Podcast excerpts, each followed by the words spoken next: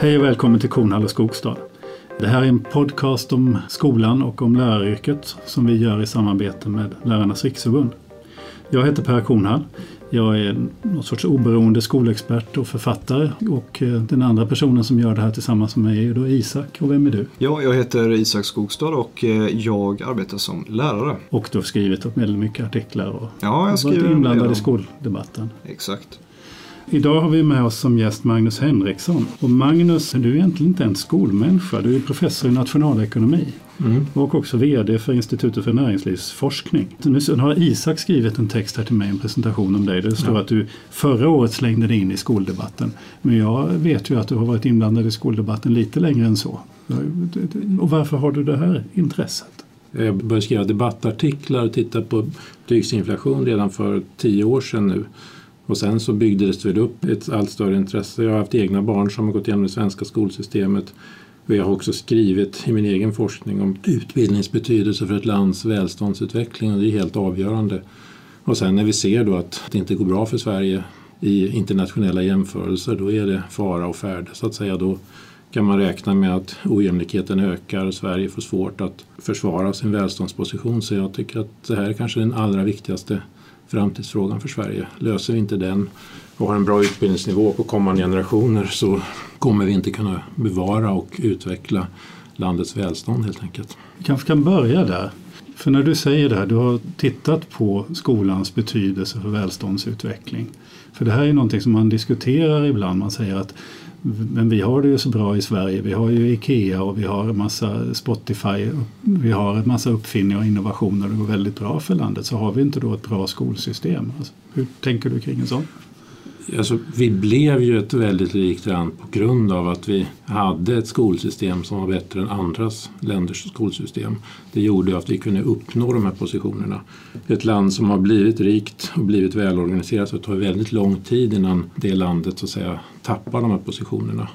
Men, men det är ändå så att successivt så kommer det att hända ifall man inte utbildar nästa generation på ett bra sätt. Så att det finns egentligen ingen motsättning i detta. Men sen är det svårt att få människor att förstå att det är fara och färde eftersom det händer så lite varje enskilt år. På flera sätt har vi ju räddats av fantastiskt fina företag som har kunnat dra nytta av globaliseringen. Och Sverige var väldigt reglerat och var illa ute framförallt i början på 90-talet. Sen reformerade vi i grunden hela svensk ekonomi. Så att drivkrafterna för arbete, drivkrafterna också för att bygga företag, att jobba längre förbättrades. Och det har vi kunnat skörda nu. Men det är så att säga, den skördetiden är över.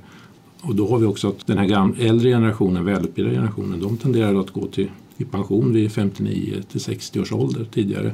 Nu jobbar de till 67, 68, kanske ännu längre i många fall. Men förr eller senare så går de i pension. Och då är det så att säga den nya yngre generationen som kommer att ta över och ska bära Sverige och förr eller senare kommer en kritisk punkt ifall vi inte de är välutbildade och kan bära landets eh, alla funktioner, alla företag, alla offentliga myndigheter, alla kommuner på ett bra sätt. I din forskning som du tittade på då, vad är det för samband du såg? Alltså vad, vilka data kopplade du ihop med välståndsutveckling? Alltså skolan? Inte bara jag utan det finns ju en mängd forskning. Man pratar som ekonomer talar om humankapital, att människor har värdefulla kompetenser som gör att man kan göra ett högproduktivt arbete. Det är väldigt viktigt. Sen finns det då nyare forskning som visar, faktiskt som kopplar direkt till de här resultaten i internationella tester, PISA och TIMSS och så vidare och kan se direkt att länder som klarar sig dåligt där, de har också svårt att ha en bra välståndsutveckling.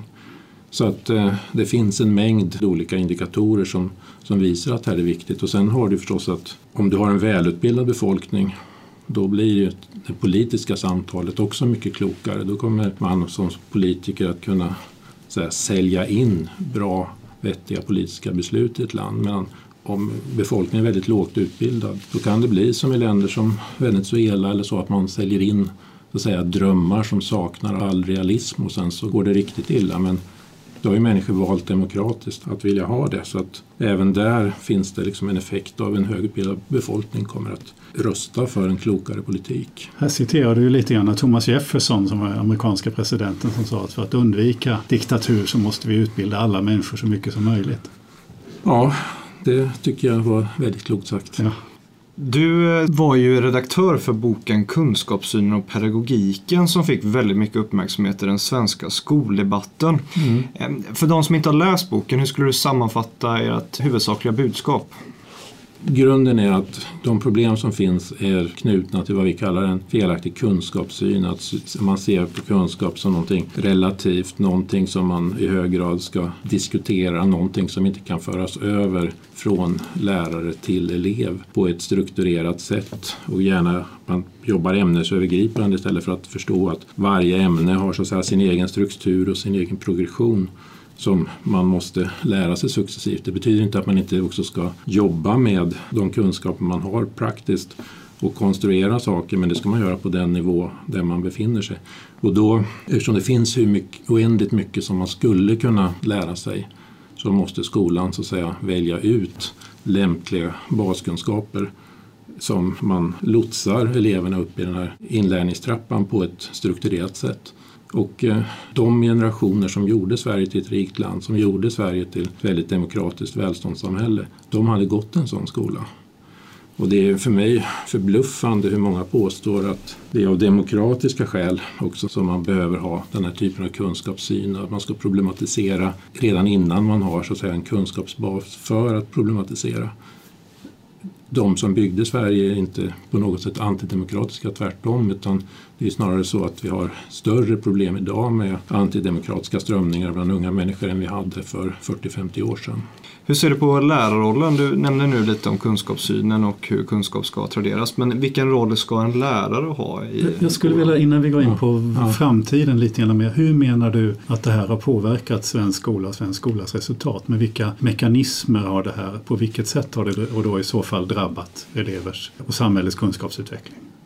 Alltså vad, vad du behöver göra du, du måste få så att säga, en grund i färdigheter förstås, läsning, räkna, skriva och så vidare på svenska, på engelska och sen så kunna få byggstenar för att kunna tänka på ett rationellt sätt. Men till detta kommer att du måste ha så att säga en någorlunda gemensam grund av kunskaper i ett antal ämnen för att kunna fungera och förstå det svenska samhället och sen så småningom i olika kanske naturvetenskapliga ämnen, samhällsvetenskapliga ämnen och så för att få en orientering och få en bas som när du sen så småningom kanske går ut gymnasiet så är det grunden för att hitta så att säga, din yrkesroll och din funktion som en demokratiskt fungerande medborgare. Om var och en så att säga, hittar sin egen väg, läser lite vad som råkar passa som man är intresserad av i olika ämnen, då har vi ingen gemensam grund, då har vi ingen gemensam verklighetsuppfattning. Och då kan vi inte skapa en kultur eller, eller ett samhälle på ett bra sätt. Men då menar du och ni i boken att, att vi har haft en skola där alla fått lära sig precis vad de vill? Eller vad är det som är mekanismen här? Som... Ja, det, det, man vågar, ta, låt oss ta ämnet geografi till exempel, varför göra det väldigt konkret. Så vågar man nästan inte säga att det är bra att kunna Sveriges geografi förhållandevis väl det är ju en förutsättning för det första för att man ska vara intresserad av sitt land. Jag tror till exempel att det är så att skälet till att, jag menar när, när jag gick i skolan så lärde man sig namngeografi över hela landet. Jag kan det fortfarande. Vilket gör att om jag hör nyheter från någonting så är det intressant och jag har en respekt för de som bor där och har, har en förståelse för och får associationer av hur det ser ut på olika platser. Om man inte har fått det i sig då bryr man sig inte och då blir det inte så konstigt att det blir en Stockholmscentrering. Att det gäller att ta sig till Stockholm eller någon annan storstad för resten av landet nästan ligger för fäfot.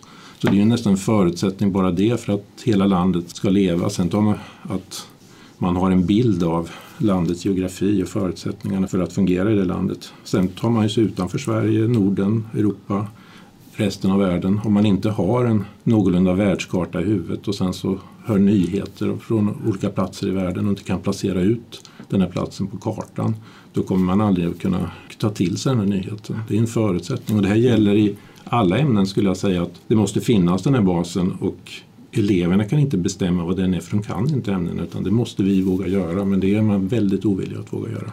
Jag ska snart släppa in dig som är din fråga, jag har inte glömt det. Men jag tycker det är så intressant. Eh, vi är ju, både jag och Isak är ju inblandade i den här debatten också. Men mm. En av de här, skulle jag säga, som var en av de som drev på de här läroplanerna som, du eller som ni kritiserar var ju Ulf P Lundgren. Mm. Utan tvekan som ju blev, kom från Stockholms lärarhögskola och sen blev första generaldirektören på det nybildade Skolverket och så. Men han menar ju, har jag hört honom säga, att kritiken mot det här är fel därför att lärarna inte gjorde så. Att alltså att lärarna fortsatte att undervisa precis som vanligt. Att de så att säga inte följde intentionerna i läroplanen. Så därför kan det inte vara läroplanernas fel. Alltså, det, det till en början verkar det som att man inte gjorde det utan man jobbade på som, som man alltid gjort. Det finns en väldigt tröghet i systemet och precis som alla andra yrken så man kommer som gröngöling och ny till ställe och sen så finns det en viss kultur där och man skolas in i den på arbetsplatsen successivt sen så har ju naturligtvis de bärarna av den gamla kulturen gått i pension och sen har det här äldre sättet att undervisa tunnats ut mer och mer. Och idag så, så kan man säga med Skolinspektionen och så har det blivit mycket mer bindande med den här Ulf P Lundgrens typ av undervisning. Så det är ju sant att det nog inte var så från början. Och mm. Jag skulle gissa att det är förklaringen till att när TIMS 1995 kommer så är Sverige väldigt bra ute trots att läroplanen då inte talar för det. Men från 2000 och framåt så ser vi då en dramatiskt fall och vi ser framförallt att det, ju svagare elever desto mer faller de i förhållande till andra länder. Så att det är just dåligt för ju svagare elev, förutsättningar man har desto mer drabbas man av det här. Mm. Jag tyckte det var intressant att du tog upp just geografi som exempel för att när man diskuterar den nya läroplanen runt där 2011 så var det ett gäng akademiker som gick ut i en artikel och kritiserade förslaget om ett återinförande av just namngeografin som du nämner. De menade bland annat att det var ett uttryck för en kunskapssyn som hörde hemma på 1800-talet och att vi nu i ett modernt tidevarv behöver andra mer eh, generella förmågor att se samband istället för att kunna återge exempelvis huvudstäder och kunna peka ut länder på en karta och dylikt. Eh, I er bok så det är ju mycket av den återkommande kritiken att man har haft en kunskapssyn som går mer mot det här hållet än, alltså som bortser från ämneskunskaper. Men hur har ditt budskap, eller ert budskap tagit emot ute i landet skulle du säga? Jag måste säga väldigt väl. Jag har ju pratat ungefär 60 gånger om den här boken sedan den kom i olika sammanhang. Allting från Rotary-klubbar till universitet till partiledningar. Jag tycker det har tagits emot väldigt väl och tiden är mogen och, och fantastiskt mycket respons från enskilda lärare av olika slag som är uppmuntrande. Och jag måste säga ungefär 97 responser av 100 är positiva. Sen finns det ju alltid en och annan som säger att man är fel ute men, men väldigt positivt. Det pedagogerna säger till är mycket att Nej, det är inte socialkonstruktivism. Nej, det är inte postmodernism. Det är inte alltså att, att ni som ger in i den här debatten använder fel begrepp. Hur ser du på den? Alltså för så... jag, jag skulle säga att det är väl inte det, är väl inte det väsentliga utan det är ju blanda bort korten. Alltså om man går på djupet i det här så finns det väl hur många nyanser som helst men då det är inte där vi är utan det väsentliga är ju att i grunden så, så stipuleras det att eleven ska ta ansvar för sin egen utbildning, för sitt eget kunskapande som Ulf P Lundgren brukar kalla det för.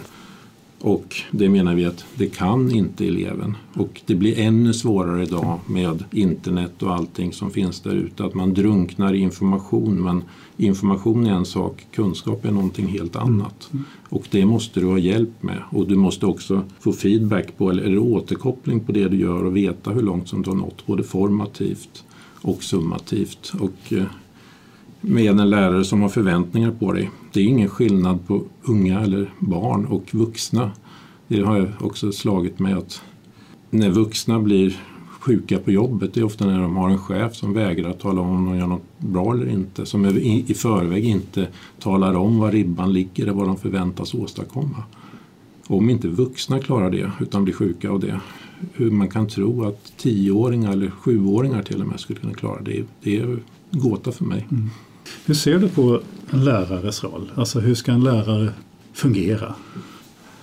För det första ska, ska en lärare vara kunnig i de saker som man undervisar på.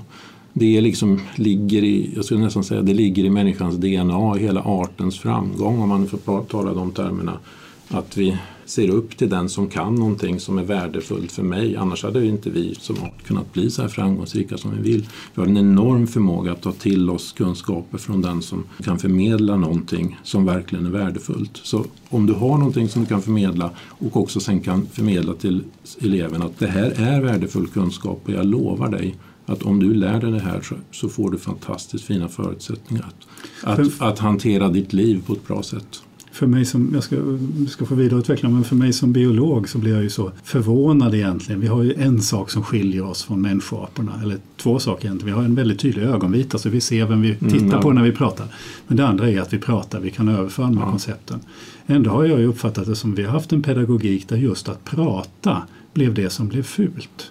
När det, man kan ju göra troligt utifrån vår revolutionära bakgrund att vi är primade just för att lyssna på någon. Mm. Och biologiska, jag älskar att läsa biologiska antropologer. Och där har man gjort fantastiska framsteg tycker jag när man ser på i alla olika miljöer, alltifrån så att säga stammar i djungeln fram till det mest avancerade komplexa urbana samhälle man kan tänka sig. Hur vår förmåga just att ta till oss kunskaper ifrån andra och de som vi vill lära oss någonting av för att vi behöver lära oss av dem om man vill bli så att säga, en fantastiskt duktig kock då vet man att då ska man åka till den här bästa chefen och se hur den gör och få de kunskaperna traderade, det, det inser man. Vill man bli bäst i världen i någon viss fysik och den råkar finnas på Stanford, då är det dit man ska åka för då har man största chansen. Så det, det visar ju på något sätt att det är den här traderingen mellan människor som, som är så effektiv. Mm. Och jag förstår inte var det kommer ifrån att man ska någon påstå och få genomslag för tanken att det är inte så.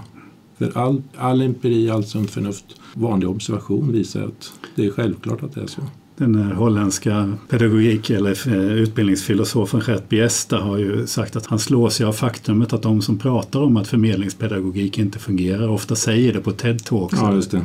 det är en väldigt rolig poäng naturligtvis. Verkligen. Jag vet ju att du har varit på Skolverket och föreläst om den här boken och mm. Eh, levererat den här kritiken men också förslag på lösningar och sånt. Hur tog ditt budskap emot just på Skolverket? Jag, jag, tyckte det gick bra. Det var jättemånga av tjänstemännen som stannade kvar och talade med mig efteråt. Det var ingen som, i alla fall i plenum, gav uttryck för en stark skepticism och stark kritik. Och det som var väldigt roligt för mig var ju att generaldirektören faktiskt i efterhand eh, ställde sig upp och sa att eh, mycket av det här måste vi, måste vi ta till oss. Och det, det kändes som ett genombrott för mig. Och det har de ju också gjort om man nu mm. tittar på deras nuvarande pågående förändringar av kursplaner så är det ju det första målet som de har för det arbetet är ju att föra in kunskaper om i grundskolan. Ja, alltså det här grundläggande att man faktiskt ska undervisa om någonting. Så det, det är ju absolut så att ni och andra har påverkat debatten här. Och, och då kommer ju, alltså det kommer ju komma snabba förbättringar. Det, det är inget snack om saken. Sen, sen är många lärare kommer naturligtvis att vara frustrerade som har gått och fått blivit så säga felutbildade och nu helt plötsligt inser att det är inte kul att se att, inse heller att man har gjort fel med flera generationer kanske av barn som skulle kunna fått en bättre utbildning och att det är ens fel då egentligen att, att ha gjort detta.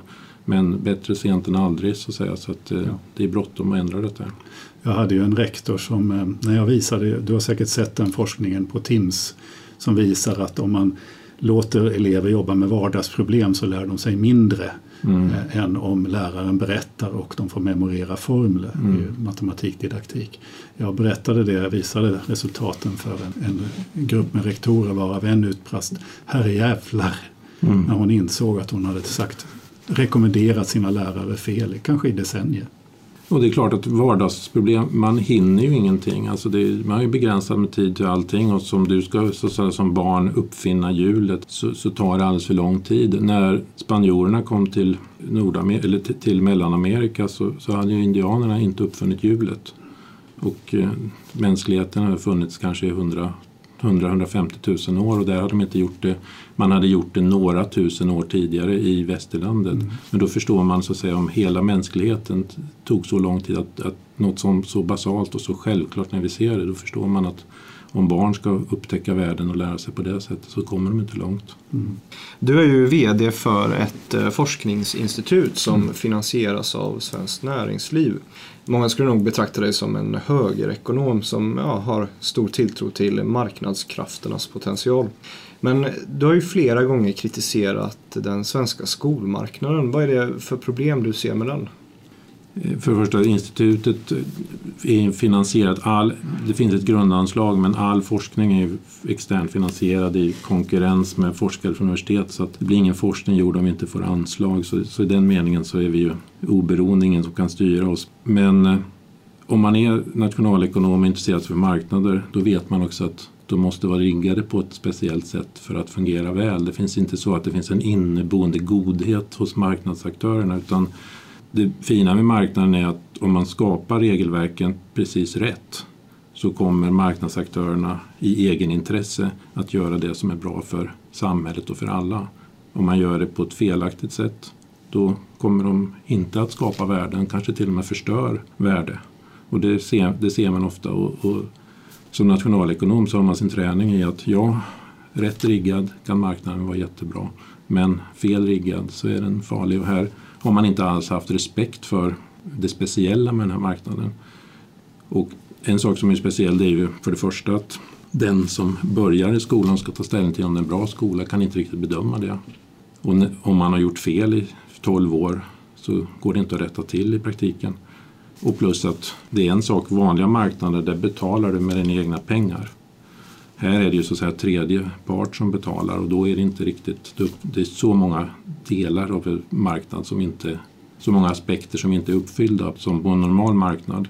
Och då är det extra viktigt att staten i det här fallet verkligen tänker igenom hur det måste det vara reglerat och uppbyggt. Här är det ju också speciellt att vi har en marknad. Ja. Det är inte många länder som har det. Men jag, jag tänkte för att en av saker som, ni, som du också har varit inblandad i det är ju debatten kring betygssättning naturligtvis. Mm. Och behovet av att på något vis kvalitetssäkra betygssättning och sånt. Kan du? Ja, alltså det finns ju två vägar att gå här. För det första, du, du kan inte ha säga, betygsintag till högre utbildning eller till nästa nivå om betygen sätts av aktörerna själva om det inte riktigt går att kontrollera utifrån att det här är rätt betyg. Och så har man i USA, att det är ett decentraliserat system med massa olika aktörer. Men betygen saknar ju helt värde. Om du söker in på ett universitet så spelar det ingen som tittar på dina betyg utan det är olika tester av olika slag som görs. Och där har man liksom insett det att betyg det är någonting som man delar ut och man ger A och B och sånt där. Men det är för att på varje skola har sina sätt att göra det på. I Sverige har vi då i, i huvudsak betygsintag till nästa nivå på utbildningar. Men staten har inte tagit kontrollen över betygssättningen. Så egentligen så om man hade haft säg gammaldags studentexamina där det kommer statliga sensorer eller studentskrivningar och det är det som sätter betyget. Då skulle alla var ju tvungna att anpassa sig till att lägga upp det på ett sådant sätt att det blir bra på de här skrivningarna. Men nu, nu kan man ju använda betyg som konkurrensmedel. Det är ju ett av förslagen som står, det är lite inlindat vad det kan betyda men i den här januariöverenskommelsen så står det just externa examinatorer. Är det, alltså det en typ, är det i den riktningen du tycker vi skulle gå i de här frågorna?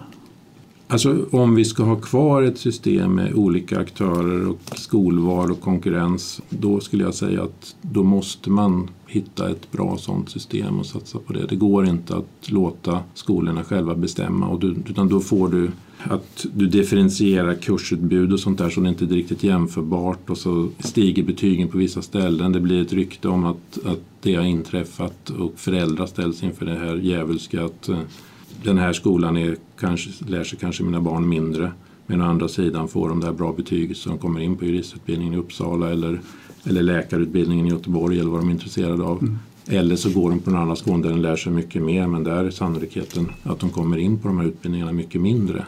Och man ska inte ställas inför, inför sådana saker. Och dessutom så korrumperar det ju alla inblandade när man vet att det är på det här sättet. Och det är inte alls konstigt om där det finns då mycket skolkonkurrens det råkar vara så i en kommun, det är klart att då är det mycket större risk att det blir inflation i betygssättningen mm. där än om det finns bara en skola. De har ingen aning om hur, hur betygssättningen ser ut sju mil därifrån.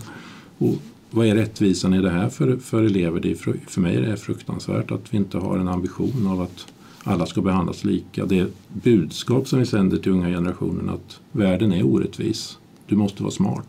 Vi har ju haft Jonas Vlachos, förlåt, ja, ja, vi har haft Jonas Vlachos här på besök som har visat att det finns tydliga skillnader då mellan olika huvudmän. Att fristående skolor sätter mera glädjebetyg, rättar nationella prov. Eh, så att det finns en korruption så att säga i, i den här businessen mm. samtidigt som man kan se att betyg, om man då tittar på utfall i senare studier så är de väldigt goda prognostiserande. Att samtidigt att betyg har ett mervärde för att de bygger på bedömning under längre tid. Så att jag bara funderar på, är det, är det verkligen antingen eller eller ska det, man det ha bästa, ett hybridsystem? Nej, det, det, bästa är valida, rättvisa betyg som sätter så att säga ett slutbetyg, en långsiktigt sammanfattande omdöme på vad du har uppnått i ett visst ämne. Det är det bästa för det gör ju att du jobbar systematiskt långsiktigt med progression. Men om man inte har det då måste man ju, då är man ju, betyg, betygen är orättvisa, då måste man ju ha så att säga, möjligheter med högskoleprov eller andra sätt att riktigt duktiga personer som egentligen kan mycket men av olika skäl inte fick bra betyg i det här orättvisa betygssystemet. Då måste det finnas en annan väg inför dem. Men det är så att säga näst bästa systemet eller så att jag är helt för också att i grunden ska man ha ett riktigt bra betygssystem. Det är det som är, är bäst. Men sen vet jag, sen har jag uppfattat när jag har lyssnat på dig några gånger att du är riktigt bekymrad över vad vi lär våra ungdomar i det mm. systemet som är just nu.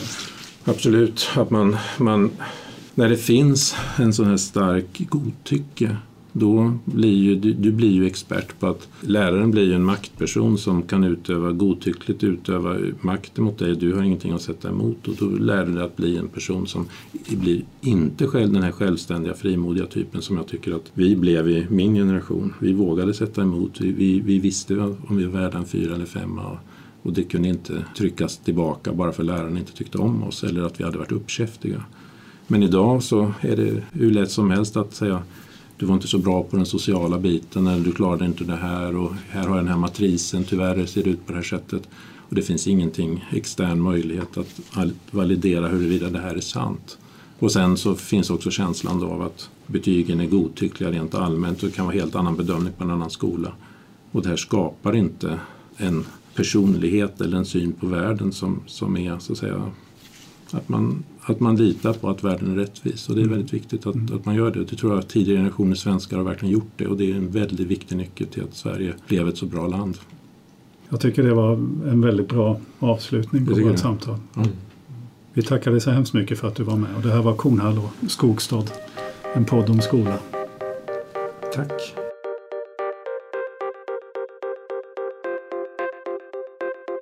Ja Isak, nu har ju Magnus Henriksson lämnat eh, oss. Vad, vad säger du? Vad, tyckte du? Vad tog du med dig från det här samtalet? Det som jag tyckte var intressant var just att han tog upp vikten av en gemensam kunskapsbas i samhället. För jag har funderat mycket på det tidigare. Och jag tänker, det exemplifieras ganska tydligt i debatten om när man har en kanon, alltså pratar om den här bildningskanon litteraturkanon för skolan. Jag vet att det, vissa politiker har ju föreslagit det. I Danmark så har man en kanon för skolan med klassiker som ska läsas. Och eh, jag tänkte på, för det blev en ganska het debatt om just det i Sverige när jag tror det var Kristdemokraterna som tog upp det senast. Många kritiserade det för att det skulle inverka på lärarnas autonomi väldigt mycket då om man dikterar vad som ska vad man ska läsa i skolan helt enkelt. Och även om jag inte är helt övertygad om att en litteraturkanon är rätt väg att gå så gillar jag ändå principen om att man har just en fast kunskapsbas som traderas av det gemensamma skolsystemet vidare till alla i en ny generation. För annars så ser jag ju den här risken med att ja, men det kanske är mer elever på privilegierade skolor i innerstan med välutbildade och kunniga akademiker till lärare som får möta den här mest värderade kunskapen i samhället. Mm. Samtidigt som kanske mer utsatta skolor där man har svårt att få tag i behöriga lärare, man har många vikarier och allt sånt de får inte ta del av den kunskapen. Och på så sätt så upprätthåller man ju den här kunskapsklyftan i samhället. Mm. Så jag gillar det Magnus tar upp om just vikten av en gemensam kunskapsbas. Det är någonting jag har funderat väldigt mycket på. Mm. Det gör ju också att, att man förstår varandra när man pratar med varandra, för det gör man ju inte annars. Man har, man har helt olika referens bakgrund. Så det finns ju en, en samhällelig aspekt av att man, jag håller med dig. Jag, det jag tar med mig är två saker. Det ena är att han också pratade mycket om, om undervisning, vikten av att faktiskt av att tradera, alltså att tradera kunskapen att en lärare faktiskt ska förmedla någonting. Det som ju vi, du gick väl också en lärarutbildning antar jag, där, där förmedlingspedagogik var någonting som är fult medan han istället lyfter upp att förmedlingspedagogik faktiskt är någonting som är viktigt för oss i vårt samhälle och också ett effektivt sätt att lära sig på på grund av att vi har det vi är. Vi är människor, för att vi är människor. Vi, vi sitter ju här och pratar med varandra av en anledning. Mm. Jo men absolut. Alltså, mycket av mänsklighetens framväxt eh, kan vi tacka kunskapsförmedlingen för. Vi behöver inte uppfinna hjulet på nytt varje gång. Jag menar om man pratar så här om vikten av evolutionen och konkurrens inom evolutionen för en arts utveckling så glömmer man kanske ofta av vikten av samarbete också. Och vilket finare samarbete finns det än när man tar de kunniga individerna i ett samhälle och ser till att de kan förmedla sin kunskap vidare till nästa generation. jag tror att det är, det är fundamentalt och också om man nedvärderar kunskapsförmedling så nedvärderar man ju lärarrollen. För en lärare ska ju se till att sina elever lär sig den kunskap man vill förmedla.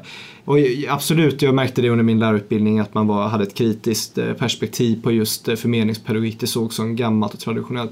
Men jag tror att Magnus med sin bok och, och andra, till exempel du och jag Per som skriver mycket om detta, att vinden ändå har börjat vända lite. Och oh ja. Om man går tillbaka till 90-talet så när Ylva Johansson var skolminister så kommer jag ihåg att i hennes intervju i Svenska Dagbladet, hennes första stora intervju, då sa hon det just så här, väldigt så här progressivt att eh, skolan måste släppa sitt kunskapsmonopol och att eleverna själva ska söka sin kunskap. Och det ansågs ju som väldigt modernt och det som skulle gälla i framtiden. Nu lever vi i år 2019 alltså. Tekniken finns i var mans ficka och vi lever ju i det här framtida samhället som man pratar om eh, förr när man sa att ingen behöver kunna någonting i framtiden för man kan liksom söka på internet och allt vad det är. Men vi vet än idag, eller vi vet mycket tydligt idag att det är oerhört viktigt att besitta goda ämneskunskaper. Det kanske är viktigare nu än någonsin. Ja men jag tror det. Alltså, många säger ju att nu när information finns överallt så förminskar det betydelsen av kunskap men det är väl snarare så att om det är förr, om vi backar tillbaka 50 år i tiden och det fanns bara ett fåtal böcker, alltså då kanske de verkligen innehöll eh, kvalitetskontrollerad information om man tänker på läromedel i skolan och sånt. Idag så ja, läromedel är bortprioriterat. Många använder ju gratis material och det finns även opinionsbildande aktörer som vill in i skolan och lämnar över gratis läromedel. Sen har vi hela internet och vi omgärdas av ett ständigt flöde av ny information. Och för att kunna sålla, granska och värdera den informationen som finns där, då måste man ju ha en kunskapsbas mm. av eh, kontrollerad fakta i sitt långtidsminne. Mm. Annars är det omöjligt att veta vad som är fakta och vad som är fiktion. Det här kommer vi säkert komma tillbaka till, tror jag. Eh, en sak som slår mig också i, hos Magnus här som vi som vi ser hos många av dem vi pratar med, det är ju det här personliga engagemanget för rättvisa och för, för människor och för barn och sånt där som jag slås av. Han har egentligen som nationalekonom inte någon direkt anledning att hålla på med de här frågorna men han gör det för att han drivs av någon sorts rättvisepatos också. Det tycker mm. jag är spännande. Mm. Men du, innan vi skiljs åt, vi hade ju Aida första gången. Och hon ville inte svara på om hon hade fått frågan som på att bli minister. Jag tror ju faktiskt att hon har fått frågan men tackat nej. Vad tror du? Jag vet faktiskt inte. Jag tyckte att, eller om vi leker med tanken att hon skulle fått frågan, varför skulle hon ha tackat nej till en sådan chans? Ja, ja vi får aldrig reda på det här. Nej. Men jag kommer grunna på det. Jag med. Tack för eh, idag och Kornhalles Skogstad för den här sändningen. Tack, tack.